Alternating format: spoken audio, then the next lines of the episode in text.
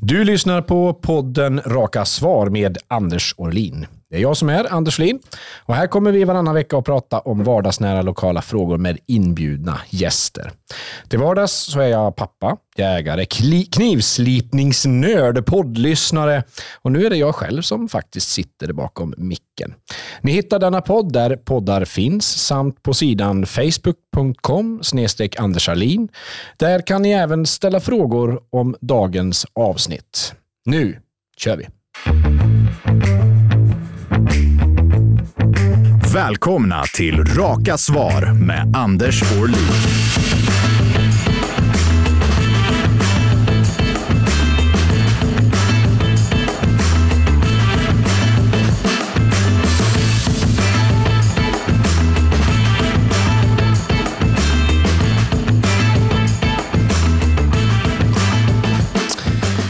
Sådär ja, det här är ett speciellt avsnitt skulle jag vilja säga. Därför att eh, det är dagarna efter påsk och eh, vi har sett de här ohyggliga händelserna som har skett i Örebro och på andra ställen runt om i Sverige. Eh, därför så tyckte vi det var särskilt intressant att få bjuda hit en gäst. En gäst som befann sig på plats i Sveaparken i Örebro och inte bara fanns på plats utan också stod där i uniform och representerade ordningsmakten. Jag säger varmt välkommen till Raka Svar, Jimmy Eriksson, hundförare på polisen i Örebro. Tack så mycket. Jag är jätteglad att du ville vara med i Raka Svar. Ehm, jag tänker att jag har så många frågor, Jim. Kan man ha det? Får, man, får jag ställa många frågor till dig idag? Ja. Ehm. Det är eh, ganska vanligt att man får många frågor i min yrkesroll. Ja, det är det. Ja. Är det många som frågar nu när man kanske får reda på att du var där, att man frågar dig mycket nu? Nu har det inte gått jättelång tid eh, sedan det var då. Men eh, i min yrkesroll som hundförare får jag jätte, jättemånga frågor, både från allmänhet och kollegor och andra blåljuskollegor tycker jag det är väldigt spännande med just hundbiten. Ja, just det. Um, det är lika bra vi frågar på en gång. Vad heter hunden? Hon heter Kally. Kally? Jag måste skriva upp det. Kally, vilket fint namn. Ja, Tack. Eh, det, är, det, det lät nästan lite uppfödd, gulligt. Ja, men hon är uppfödd eh, av Försvarsmakten och alla årgångar har ju då ska ju samma årgång börja på samma bokstav, så hon är ju K. Då.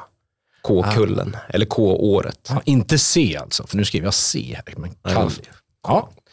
Men eh, eh, Kalli, eh, då, är, då är ju också såklart eh, frågan, hur länge har du varit hundförare? Jag började, var det 2017? Eller var det 2016?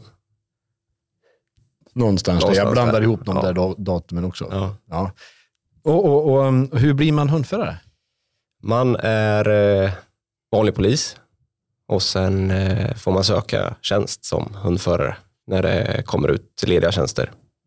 Så genomgår man en eh, rekryteringsprocess och sen får man en provanställning och så får man en hund och så om man bedöms lämplig så får man gå grundutbildning hundförare.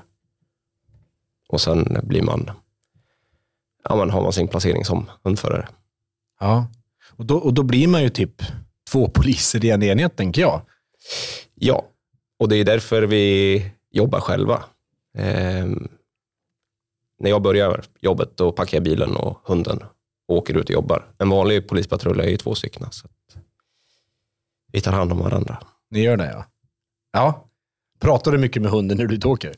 Nej, inte så mycket. Vi har fått jättefina bilar, så att de sitter ju på eh, flaket på en eh, en pickup så vi har ju ingen riktig kontakt med hunden när vi Aha. åker i bilen. Okay. Som det var förut när det var XC70, då hade man ju kontakt med hunden i bagaget. Just eh, eh, alltså, för lyssnarna här nu, så, så om det, vi har nya lyssnare nu, så, så kan jag säga att vi är ju faktiskt kollegor, eftersom jag är väldigt avdankad vid det här laget. Jag är ju också polis från början och tjänstledig där.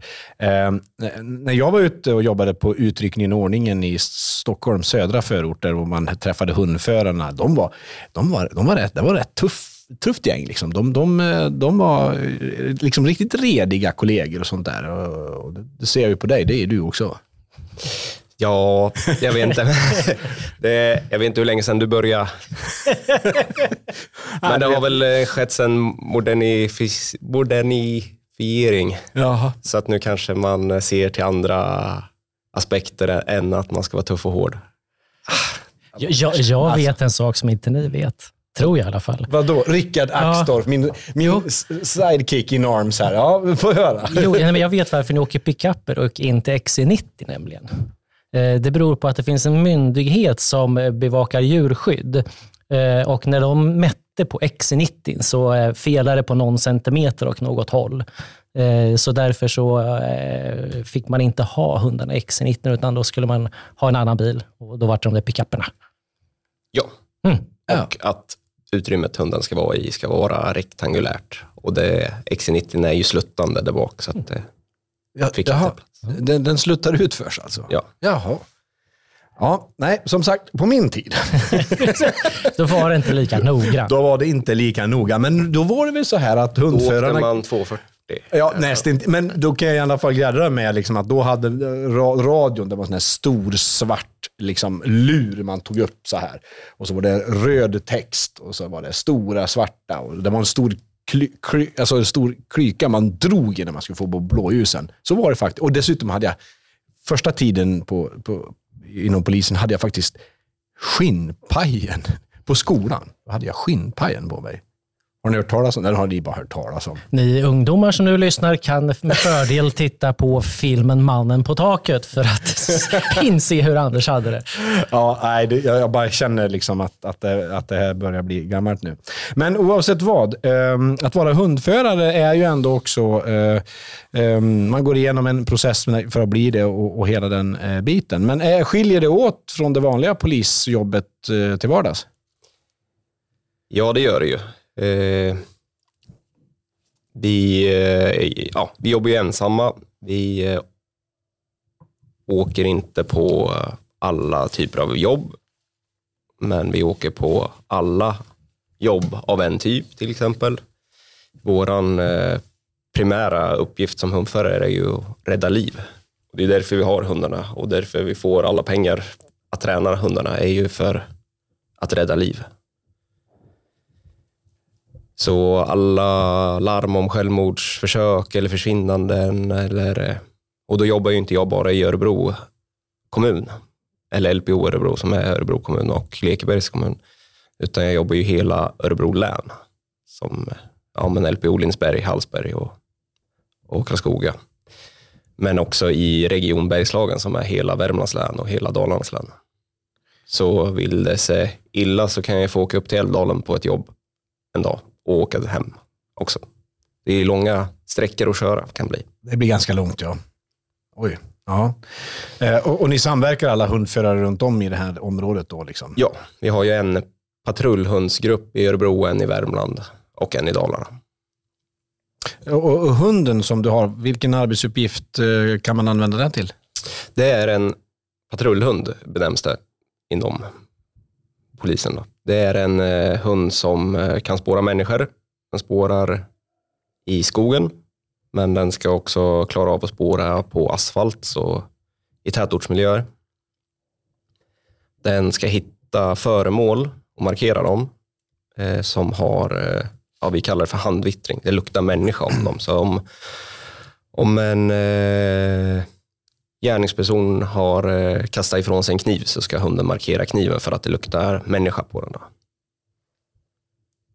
Eh, den ska kunna hitta försvunna i skogen.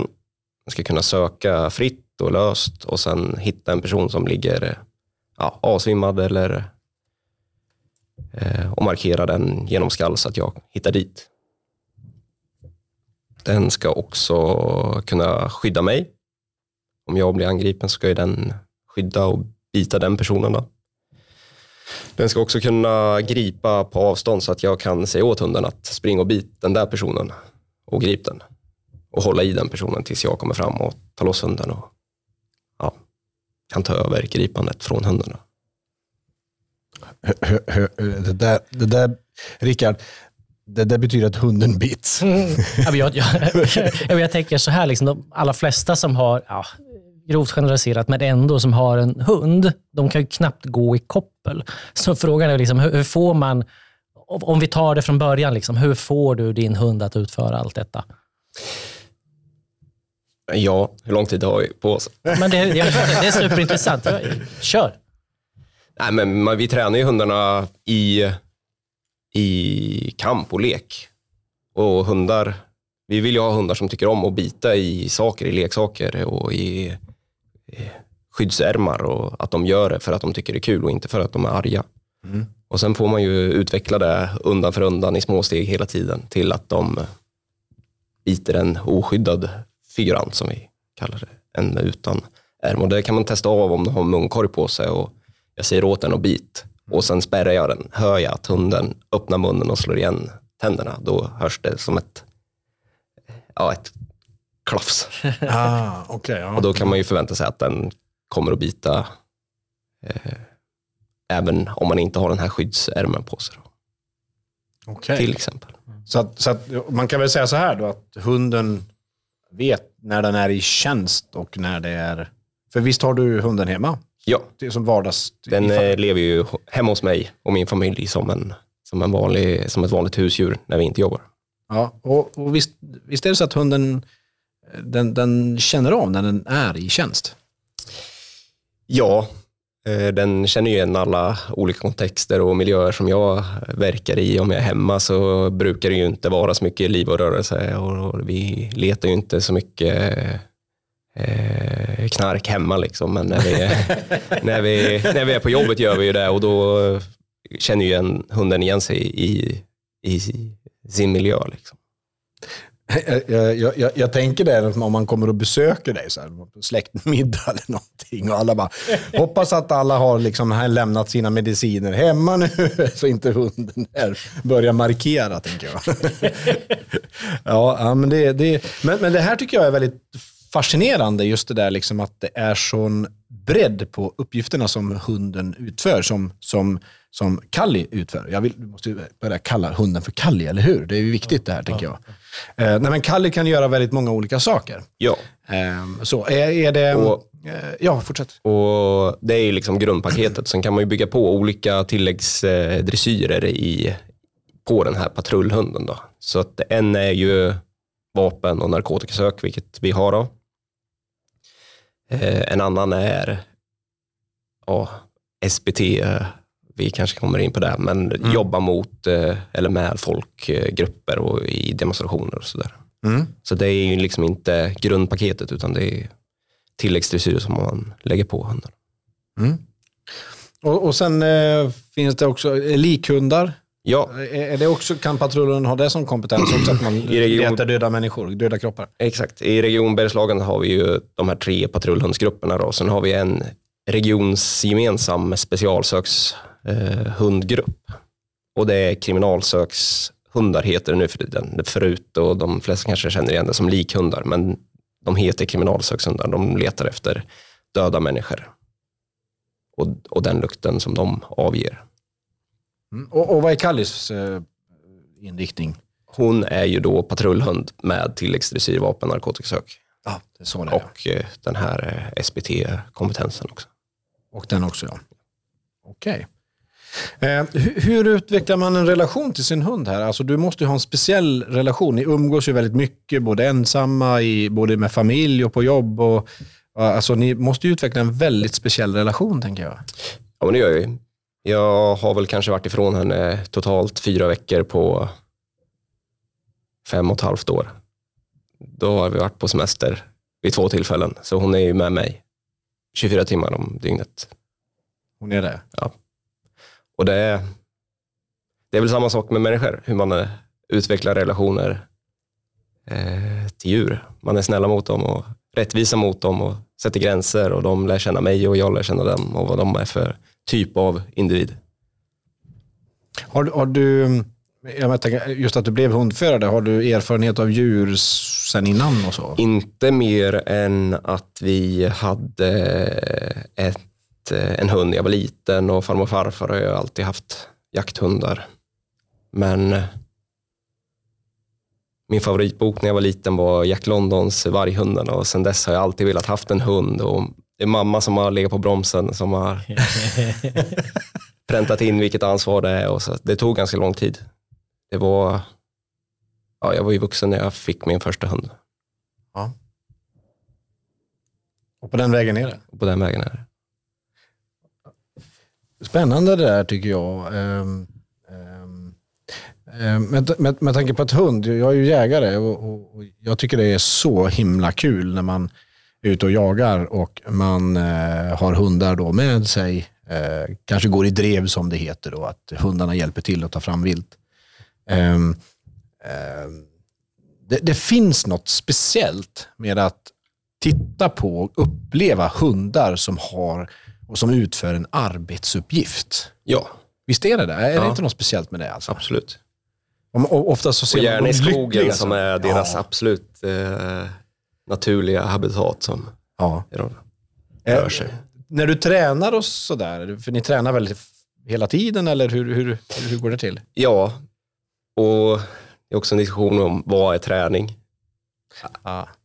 Jag tränar ju hunden hela tiden, att den inte ska dra i koppel och att den eh, ska gå bredvid mig och att den inte ska lukta på andra hundkissfläckar i parken och sådär. Så att det är ju en träning och dressyr hela tiden. Men eh, specifik träning, att när vi spårtränar eller bittränar eller markerar på narkotika, det gör vi ju också varje dag.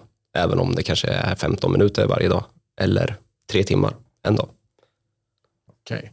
Om, om, om du skulle vara lite nedstämd och ledsen någon dag, alltså man liksom inte är i form och man känner sådär, känner Kalle av det då? Märker Kalle det? Ja, absolut. Hon är ju en, eh, en eh, bra tjej att ha bredvid sig. Eh, lyssnar och, och, och sådär. Ja. Mm. Ehm, ehm, men, eh, men det är i alla fall, är det, är, det, är det du som bestämmer i förhållandet? Då? Det så måste det ändå vara. Så får det ändå vara. ja. ja. Men, men hon är lite olydig ändå? Eh, nej, det skulle jag inte säga. Nej, hon är inte det? Nej. Okej, jag Hon är försökte i alla väldigt fall snäll och väldigt eh, bra eh, att ha som hemma. Hon är ju som världens bästa sällskapshund. Min syster har tre barn mellan, ja, vad kan det vara, sex, fem, sex till ett och ett halvt. Och de passar ju henne jätteofta när jag inte kan ha henne. Så att, och det går jättebra med dem och jag är inte orolig överhuvudtaget att det ska hända någonting. Vad spännande. Och, och jag har ju glömt att fråga vilken ras det är. Vi kanske har sagt, eller har jag missat? Nej, men Nej, det är det? en schäfer. Det är en schäfer. Är det, vanligt, eh, är det vanligast fortfarande med schäfrar inom polisen? Ja, jag tror det. Det är ju schäfer och en eh, ras eh, belgisk vallhund, malinois, som är de vanligaste. Sen finns det lite holländska herdehundar om du känner till dem. Ja, lite grann. Jag, jag har följt det där lite grann. Jag tycker det är lite spännande med hundraser faktiskt. Men jag tror schäfern är den vanligaste. Vi får ju många hundar från Försvarsmaktens uppfödning och de har ju bara schäferuppfödning. Okej. Jag, jag var och jagade i Värmland och där hade man en vakthund. Eh, det var en sydafrikansk mastiff. Finns det några sådana? Ingen aning. Ja, den, var, den vägde 98 kilo i alla fall. och, och huvudet det var, det var stort ungefär som en sån här murarhink med, med tänder i. Eh, och den, den släppte de ut när de åkte hemifrån. Och de hade aldrig några objudna gäster. Eh, apropå det här med hundraser och så. Var det en jag. jakthund? Nej, den var bara jättestor. Jag tänkte, den kan man inte släppa på drev. Då Nej, får man nej, inte nej, missta den för Nej, någonting annat. nej. så att ja, jo, men det, det är spännande med hundar. Jim, jagar du också? Ja, Ja, du ser, ba- ba- bara där. Va? Ehm, ja, det är ju trevligt också. Men då är inte Kalle med, eller? nej. Nej. För då blir det lite annan uppgift än, Ja. än vad, vad hon är tänkt att hon ska göra. Ja. Jag har en, eh, en jaktlabbe hemma också. Som privat hund. Som heter Hon heter Milla. Milla. Kommer Kalle och Milla överens? Ja, De, och de kämpar om din gunst. ja lite så. Ja. Men de har stort, eh, de har en bra konkurrens av, jag har en liten valp som ska förhoppningsvis bli polishund. Då. Så att eh, de alla tre konkurrerar om uppmärksamheten hemma. ja, det ser man. Det ser man. Ehm, eh, Jim, det är ju så här att, ehm, att ehm, det är ju... eh, vi, har ju haft en, vi har ju sett på, i media och på nyheterna på sista tiden här om den här, eh, de här händelserna nu som, som har eh, ägt rum runt om i Sverige. Mm. Ehm, det är alltså eh, de våldsamma upploppen vi pratar om. Vi såg det då i Örebro, eh, Sveaparken. Ehm, eh, jag har ju ändå varit polis ett antal år eh, innan, innan det här. Och Alltså, jag tog så illa vid mig, Mm. Jim. Mm. Alltså och förbannad, ilsken, eh, ledsen, eh, besviken. Jag vet inte hur mycket. Och det kan ju vara också att man, jag är ju fortfarande kollega. Så, så, och jag har ju själv stått i de här leden. Men ehm, nu när du är här, du var där, mitt i. Ja. vill du, du får gärna berätta själv. Eh, Vad, vad var det som hände? Ja, eh, först och främst så är det ju en allmän sammankomst som eh, har ansökts om. Och det är ju en grundlagsstiftad eh, rättighet för varje människa att uttrycka sin eh, åsikt eh, i liksom ja, ett politiskt syfte eller i ett, i ett annat syfte också för den delen. Ja, just det. Mm. Men den är ju grundlagsskyddad och i Sverige är ju Sverige idag på grund utav att vi ska kunna säga och tycka och uttrycka våra tankar och vad vi vill och vad vi vill förändra. Liksom. Och det där är ju polisens uppgift att skydda den rättigheten som vi har. Eh, sen lägger ju inte polisen eh, någon värdering i åsiktsyttringen. Den kan ju vara horribel och jättedålig. Den kan ju vara odemokratisk till och med. Så länge man inte begår något brott så, så finns det väldigt små utrymmen att polisen ska kunna förbjuda en, en allmän sammankomst. Mm. Eh, och det är ju grunden eh, till det. Och den här personen som jag inte riktigt kan uttala namnet på, Rasmus Paludan. Paludan. Paludan. Paludan. Paludan. Paludan. Ja. Ja, jag, kan, jag glömmer också av ansökte om flertalet eh, demonstrant, eller demonstrationer i eh, Sverige under förra helgen, eller strax före förra helgen, som fick eh, beviljat. Jag kommer väl in under tisdag, onsdagen förra veckan där min gruppchef frågar om jag kan jobba övertid på fredag för att det ska vara en demonstration i Örebro. Och eh, det kan jag, säger jag till honom. Eh, och sen när fredagen kommer så åker vi till jobbet och det är bra stämning och vi snackar och klär oss eh, i den utrustning som vi har. Eh, det finns en, ett koncept som vi, en del poliser i Örebro är utbildade i och det kallas för SPT. Det står för särskild eh, polistaktik. Vilket är en eh, utbildning som vi inte får lära oss på Polishögskolan utan det är en vidareutbildning. Så alla poliser i Örebro har inte den här utbildningen utan det är en vidareutbildning helt enkelt. Ja. Den har hetat lite olika genom åren. Den heter eh, AMF, eh, IMF tror jag och TUGG. Ja, Ja, men det är, Insats mot folkmassa, Ja, IMF. precis. Den gick jag en gång Ja. i tiden. Eh, och Sen eh, kallas den för Deltautbildning tror jag i Stockholm. Ja. Också, när jag var. Ja, det var, det, det, som, som du säger, det är många namn. Men, men SPT kom ju till efter Göteborgskravallerna. Då, då, Ja. då utvecklades ju det konceptet som var ett, hämtat ur det internationella perspektivet. Ja, men det var, det var och, och ett sidospår. ehm, efter att Polismyndigheten blev en myndighet, vilket år det nu var, 2015 eller något sånt Ja, det är några år sedan i alla fall. Men, så ska ju vi ha samma utbildning. Den hette TUGG i Örebro tror jag. Just det. och som blev AMF och nu heter den SPT för nu har vi fått SPT-utbildningen. Alltså. Och det är olika benämningar på olika grupper i det här. Eh, hundgruppen benämns för ECHO. Eh, så jag skulle ingå i ECHO-gruppen. Och Eh, vi fick information om att den här demonstrationen skulle hållas i Vivalla när vi började passet och sen ryktades det om att den skulle flyttas.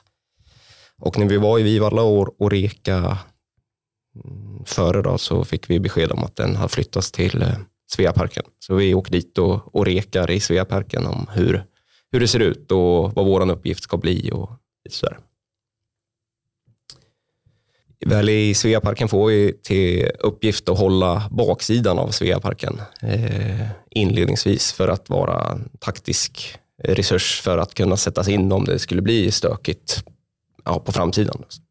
Vi, det dröjer inte så länge eh, innan det kommer en, en grupp människor som är upprörda eh, och skanderar eh, eh något på arabiska som jag inte riktigt vet vad det betyder.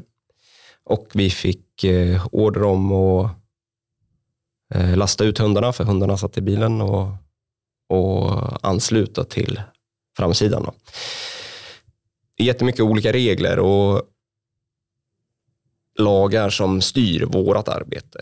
Vi jobbar ju efter ordningslagen och rättegångsbalken och polislagen och i polislagen 24 paragraf så sägs det att vi kan spärra av ett område om, om vi misstänker att det kommer bli större omfattande ordningsstörningar. Så att en del av Sveaparken är fattat beslut av en sån här eh, avspärrning, ett PL24-avspärrning som vi kallar det.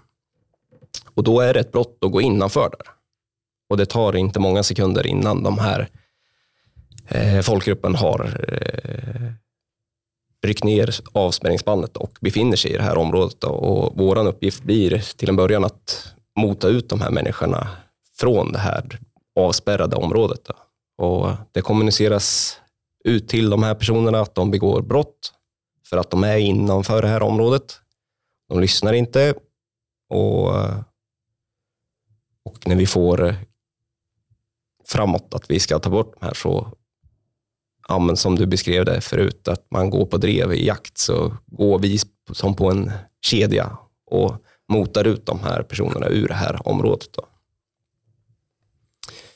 Det görs med fyra hundar. Vi är fyra hundar i, i gruppen plus vanliga poliser då, bredvid oss. Men eh, det ansluter fler människor. Eh, jag kan inte uppskatta. Jag har läst om att det var ungefär 200 motdemonstranter då, till den här demonstrationen som är planlagd att utföras. Eh, vi är väldigt få. Jag vet inte riktigt exakt hur många. Jag kan tippa mellan 20 och 50 poliser på plats till en början. Till en början är det upprörda känslor Eh, de skanderar, de eh, förstår inte hur vi kan tillåta att, att någon ska bränna deras eh, koran. Ehm, och det ansluter hela tiden mer folk från, ja, från alla håll egentligen. Pratar de med er någonting? Alltså säger de någonting till er eller Liksom, finns det någon dialog med er på något sätt? Vi försöker ju hålla en dialog, men det är ju svårt att nå fram. Det finns en grupp som eh, har följt med Paludan, som jag tror att de heter Röda facklan, som är ändå goda krafter i, i att eh, demonstrera mot honom, men inte med våld. Inte med våld? Nej. nej. nej. Jag får kontakt med en av dem. Det är ju inte jättebra förutsättningar att stå i en demonstration och försöka eh, förmedla något, eh, något större budskap. Men jag får lite kontakt med en. Jag kan till exempel eh, be en pers eller jag kan be en av de här röda facklan att eh, prata med den här mannen som med sitt barn som axeln och som står i deras främsta led. Att det kanske inte är riktigt lämpligt för en ja, 6-7-åring att vara på axeln just där, att de kanske kan backa. Uh, det är klokt, tycker ja. jag. Ja. Uh, vi blir lite tillbakatryckta, så att vi kan inte hålla det här PL24-området, inte ens med hundarna. Och vi får order om att trycka ut dem igen Och igen, jag, jag kommer inte ihåg hur många gånger vi försökte få ut den här folkgruppen ur det här eh, avspärrade området. Men eh, till slut så började det flyga först grenar eh, från parken. Sen började det kastas eh, småsten och med småsten menar jag under golfbolls size. Liksom.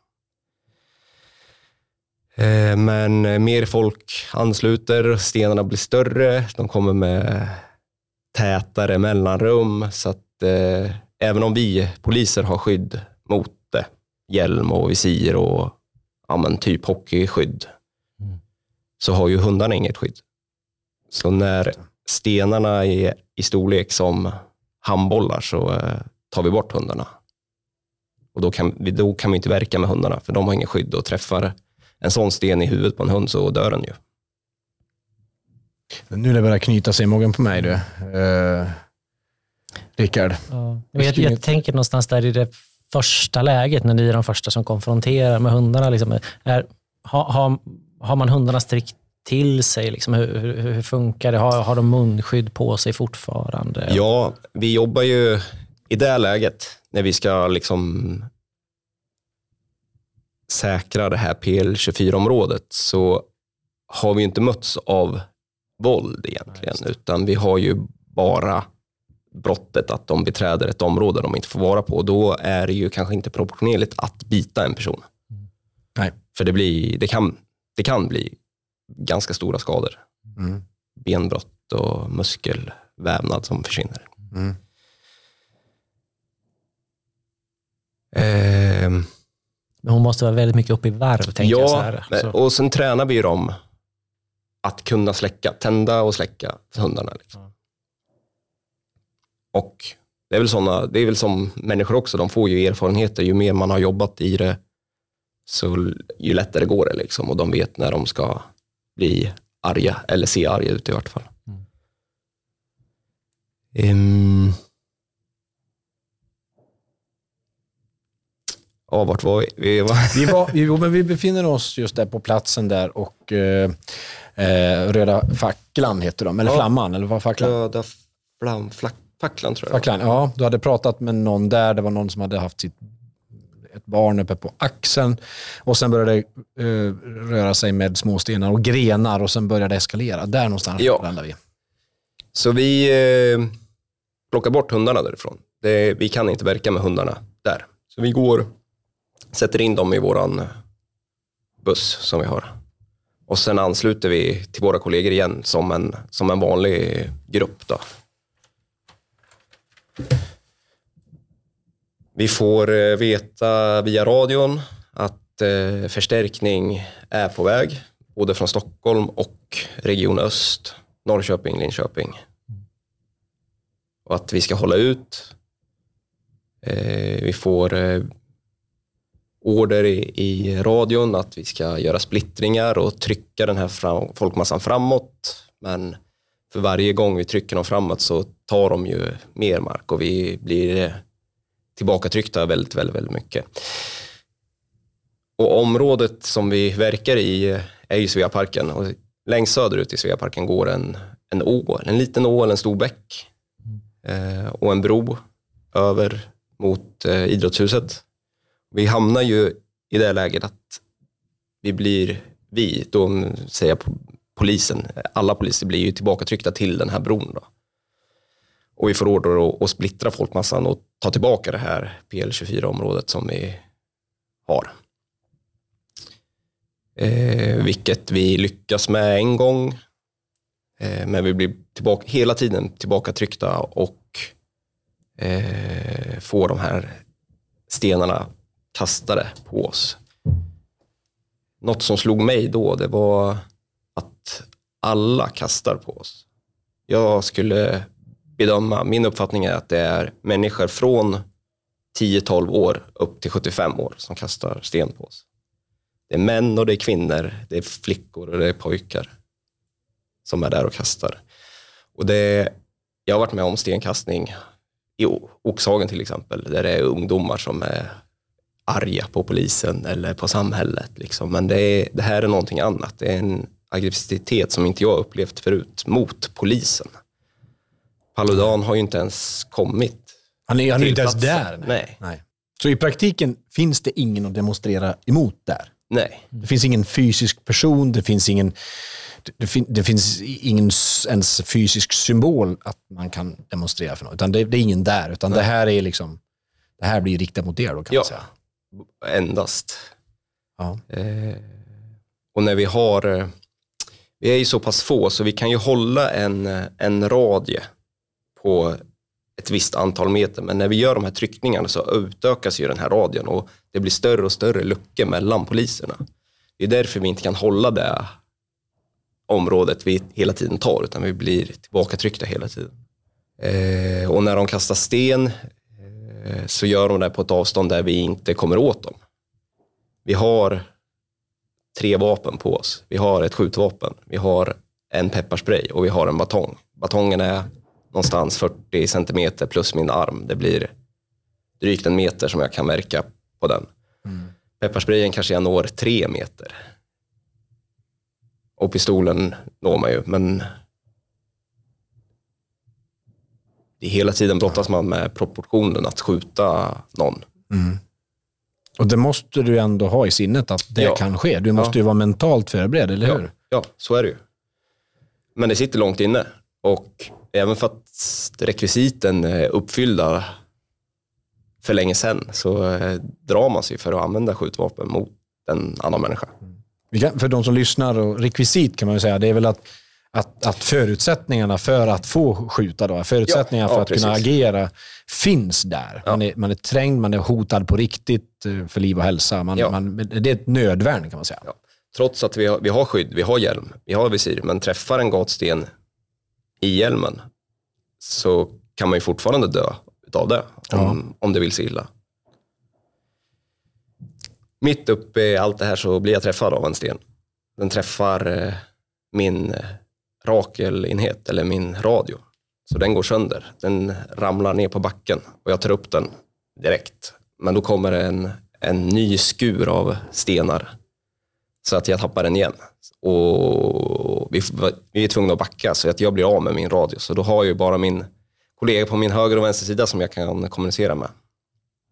Så, där- så du kan inte höra vad som sägs? Nej, order eller vilka order, utan jag får ju bara följa med mina kollegor och ha koll på dem när vi går framåt och när vi går bakåt. Och när vi går framåt igen och när vi eh, går bakåt. Och hela den här, under hela tiden så ser jag hur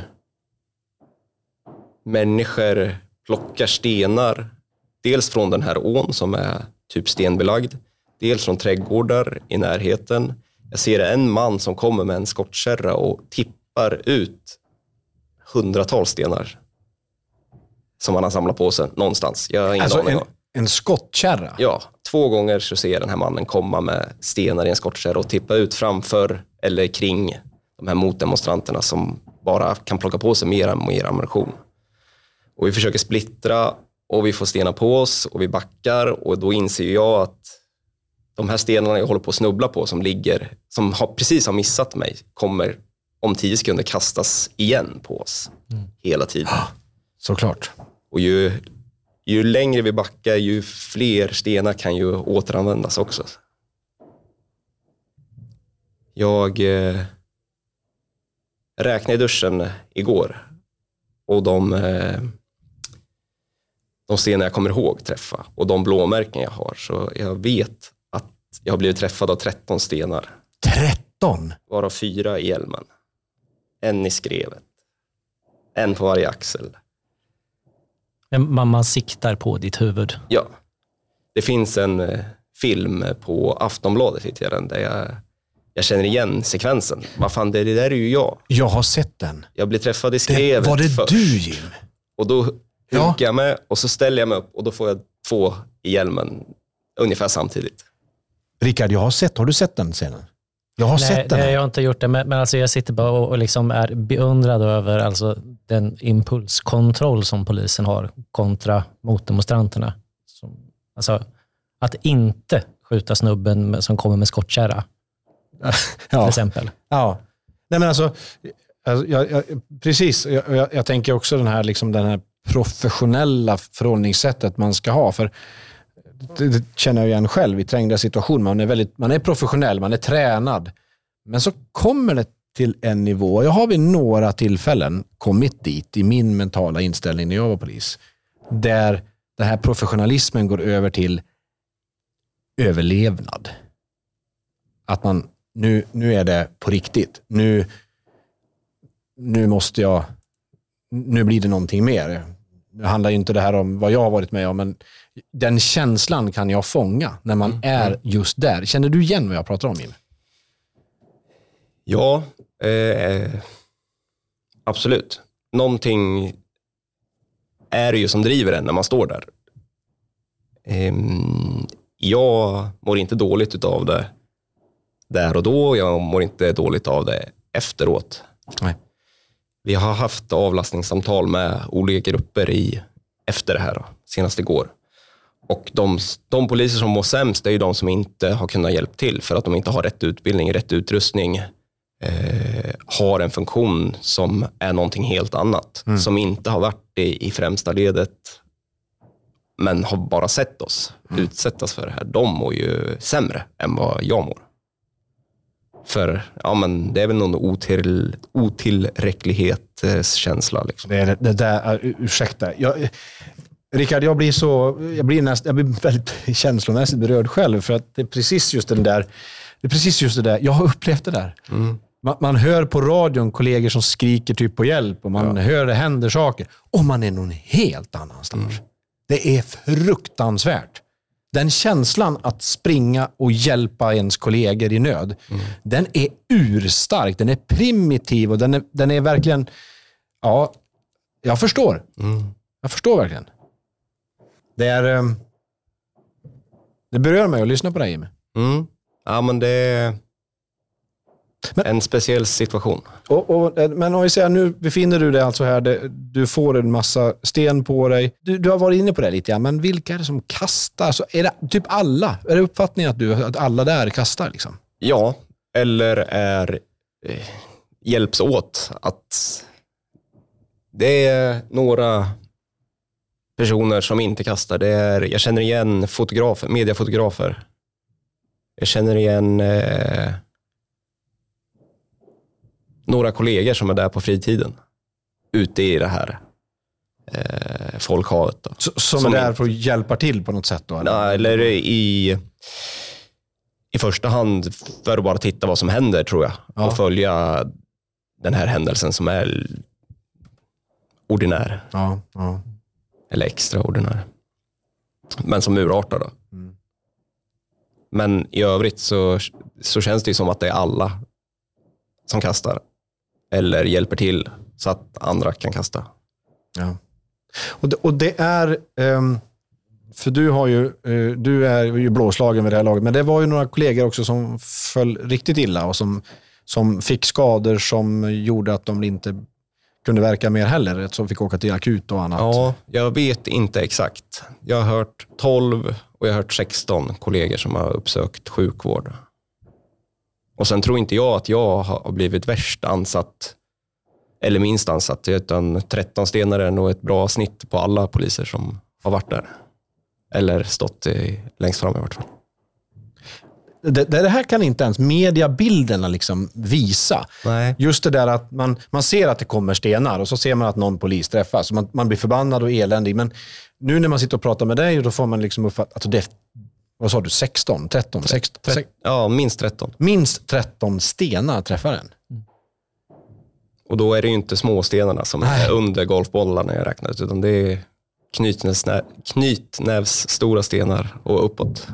Jag, läste om en annan polis som hade varit där, som hade skrivit en redogörelse på, på sociala medier om det här. Och han skrev att Eh, mycket av de här stenarna och de här tillhyggena som kastades var gjorda och vässade. typ. Att det var vassare stenar. Alltså det var verkligen gjort för att göra skada. Mm, ja, det har jag ingen aning om, men tidigt under insatsen, vi är ju ett antal poliser som står på kedja. Det är viktigt att hålla rättningen, att ingen Eh, springer ut och gör egna initiativ, utan vi är ju, verkar ju som en grupp och en enhet. Liksom. Så det är ganska frustrerande att se två meter bort en person ta upp stenar, lägga i fickorna och förbereda sig på att kasta och vi inte riktigt kan göra någonting. För att vi, jag som individ, polis, kan inte ta ett eget initiativ och, och gå fram till den här personen, utan då måste vi agera som en, en, en hel enhet. Och att de slår sönder blomkrukor, sådana terrakottakrukor, Ja. då blir det ju vassa kanter Ja. på en sån. Just Sen vet inte jag om de hade att de eh, tillförde specialgjorda stenar sen innan. Det, det är inte min uppfattning. Nej. I fall. Mm. Men terrakottaskärvor är- blir ju vassa när man kastar och blir som en kaststjärna. Och, och det ska också tilläggas att det här var nog en polis som jag tror har varit med på flera ställen också. Ja, så att, ja, så att det, det kan ju ha hänt eh, på olika ställen. Eh, Jim, jag, jag tror att vi är väldigt berörda, även de som lyssnar nu på den här podden, av din berättelse. Jag skulle vilja fråga dig lite grann kring om känslorna så här, så här i efterhand. Eh, Jag förstår när man står där, man är professionell, man, man löser uppgiften. Det finns ju ett, en adrenalinpåslag som är ju ganska påtagligt. Eh, eh, och hela den biten. Men, men nu så här i efterhand, när, vad, vad, vad gick igenom ditt huvud när du hade tagit av dig uniformen, skyddsutrustningen, du åker he, hem och du sätter dig i soffan och bara... Vad, vad hände då? Då stöp jag i sängen. Ja, det gjorde det. Nej, men skämt åsido så eh, känslorna där på plats. Och i och med att jag inte hade sambandet i örat så eh, visste jag inte om att det hade tagits beslut att vi inte skulle anordna den här, eller anordna, men skydda den här allmän- allmänna sammankomsten, utan vi ska göra en reträtt, att vi ställer in, vi kan inte tillse säkerheten. Utan jag trodde ju hela tiden att vi bara backade bakåt för att ta marken igen. Då. Eh, tills min eh, gruppchef kommer och lägger handen på min axel och säger att vi ska åka. Och då, jag förstår ju inte liksom varför vi ska åka. Det är ju här eh, striden är och det är ju här jobben är. Och det är ju inte förrän i bussen jag liksom fattar att alla poliser ska åka därifrån. Eh, och sen samlas vi, alla poliser, och väntar ut att de här polisfordonen som har brunnit ska brinna klart för att sen åka tillbaka och kolla så att eh, räddningstjänsten kan göra sitt jobb och släcka eller tillse att eh, de är släckta i vart fall.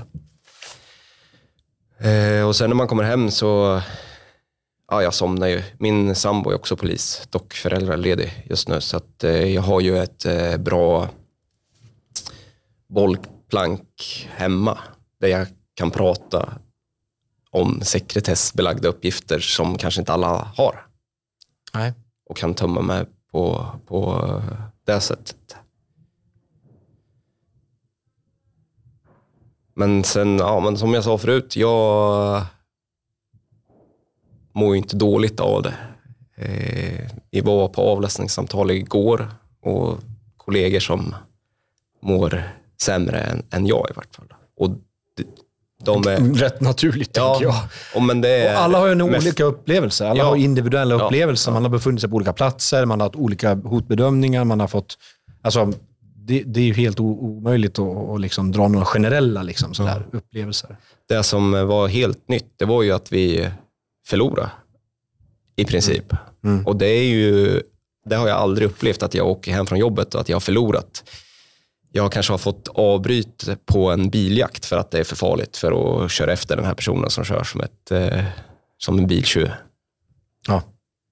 Eh, och då förlorar man ju också, men det är ju, ja, det kommer nya biljakter. Mm. Men det här var något annan, en annan typ av förlust. Sen är det kontraster i livet.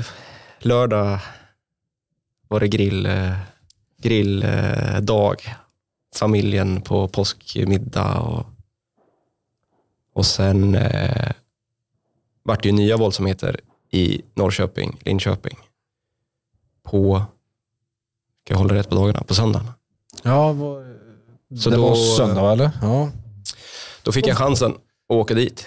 ja. Så att jag var i både i Norrköping och Linköping på söndag kväll, men då hade det ju lugnat sig och eh, var läge grönt där. Men vi tillbringade halva natten där ungefär. Inga oroligheter överhuvudtaget, men det är ju en del i bearbetningen att, att ändå komma tillbaka upp i sadeln så att säga. Igen. Och inte ja,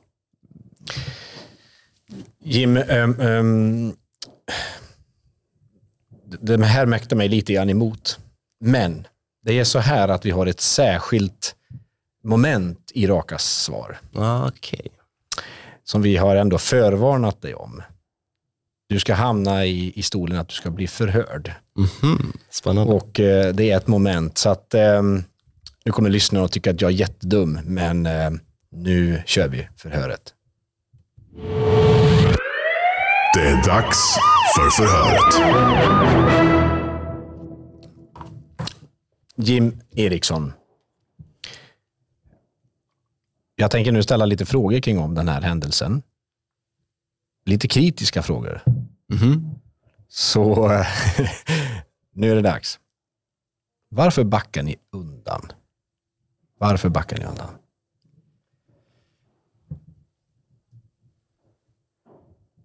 Ja, men som jag sa tidigare så kom ju beslutet uppifrån att vi skulle ställa in den här allmänna sammankomsten. Och att då finns det ju inget syfte för oss att vara kvar i Sveaparken om det inte ska bli någon allmän sammankomst. Det är därför vi åkte därifrån. Och, och varför åkte ni inte tillbaka? Efter omgrupperingen. För att vi, ja men som jag säger, den allmänna sammankomsten ställdes in.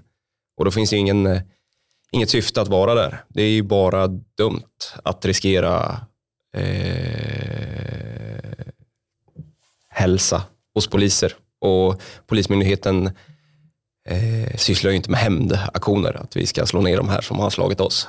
Om vi inte har ett högre syfte med det. Ehm, Vi åkte ju tillbaka, men det var ju syftet att, att skydda räddningstjänsten som skulle släcka de här bilarna som hade brunnit. då fick räddningstjänsten fortsätta arbetet. Ja. En fråga jag har märkt på sociala medier, det är också väldigt så, en fråga som vi också får ställa som en förhörsfråga här också. Varför skjuter ni inte? ja, det är väl den tanken som eh, har brottats, som jag har brottats med. Eller brottats är väl att ta i, men som jag har reflekterat över. Eh, varför sköt jag inte tidigare? Det hade kanske räddat eh, någon kollegas eh, brutna arm eller krossade käke. Alltså tänker jag också. Det, har ni sett, eh, det finns en bild på en hjälm som florerar runt på sociala medier. Ja. Med ett sönderslagen, eh, vad heter det, den är jätteotäck men den är, Visiret är- visiret trasigt och det är blod på si- visiret. Eh, Är det ifrån Sveaparken? Jag tror inte det. Jag tror att det är från Norrköping dagen innan. Ja, men det är ifrån... Den Det- det här, här- ja, det här är- cirkusen. Mm, jag förstår. Jag förstår. Eh, Jim, tror du att eh, de här gärningsmännen nu, kommer ni att gripa dem?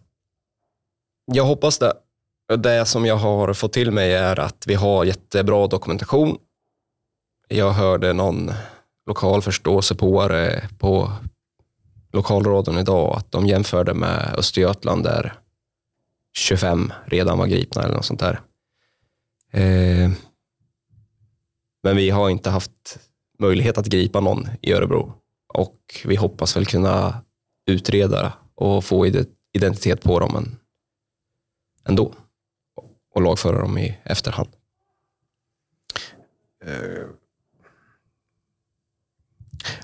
Om man skulle se det här i ett samhällsperspektiv nu. Mm. Tycker, tycker du att, inte ni nu som var där, men tycker du att polisen svek samhället?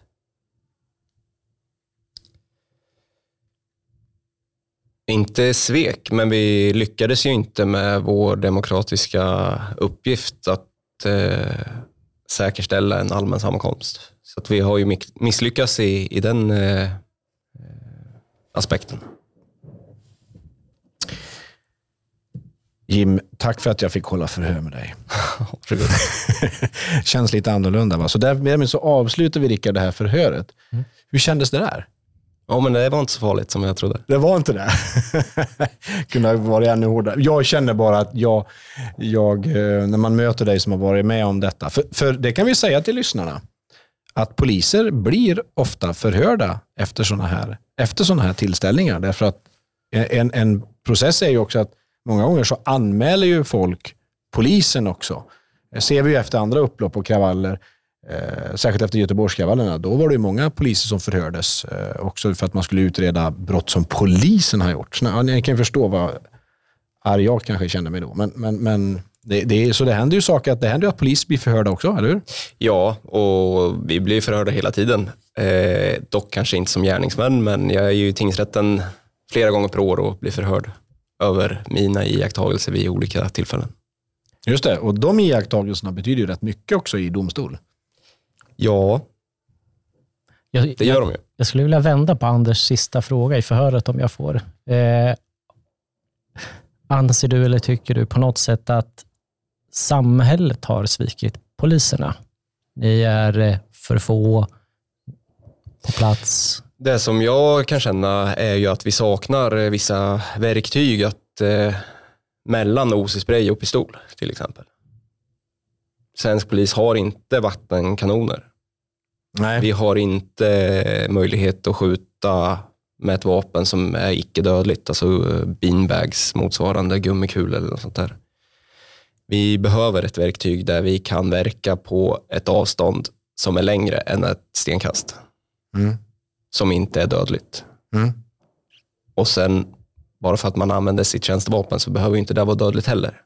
Nej. Utan man kan ju skjuta varningsskott och sikta på icke vitalda delar i kroppen Mm. också. När det inte är det här mest livs... Nej, Farliga utan i lagad befogenhet. Ja.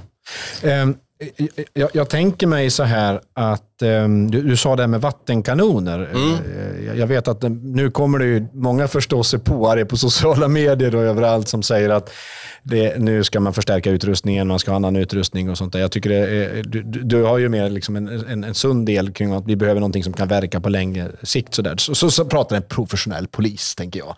Men alla försöker förstå på det med vattenkanoner. Men jag kommer ihåg vattenkanoner, för när jag jobbade då pratades det också om att man skulle skaffa vattenkanoner och sådär. Men problemet med vattenkanoner, Rickard, nu tittar jag på dig här. Problemet med dem det är att de passar inte så bra i nordiska klimat. De blir, de blir kalla på vintern. Ja, jag. eh, om jag inte minns mina fel. Jag pratade med en, en gammal polischef som var med och utvecklade de här olika SPT en gång i tiden.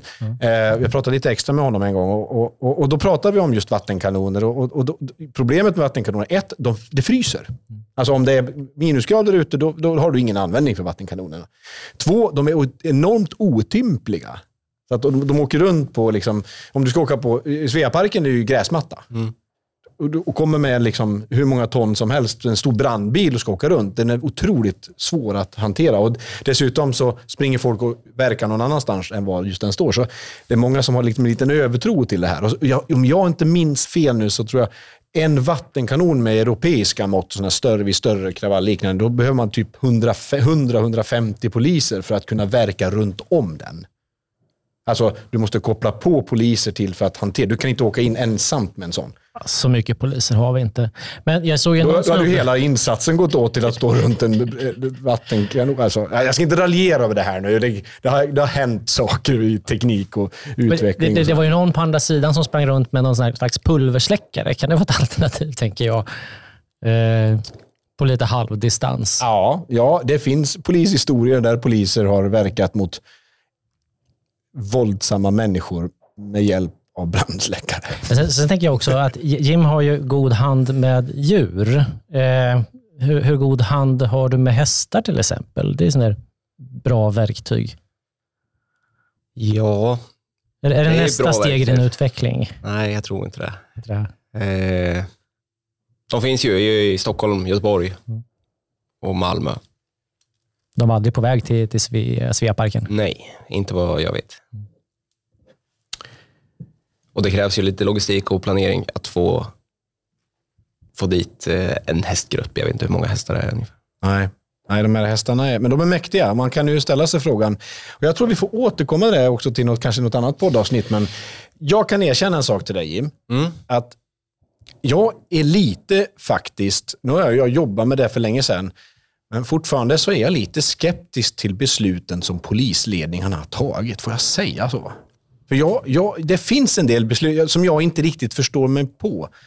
Eh, En sak som jag inte förstår mig på det är ju hur många poliser som var där i förhållande till demonstranter. Det borde ha varit tre gånger så många poliser, tänker jag. Ja, med facit på hand så borde det ha varit det.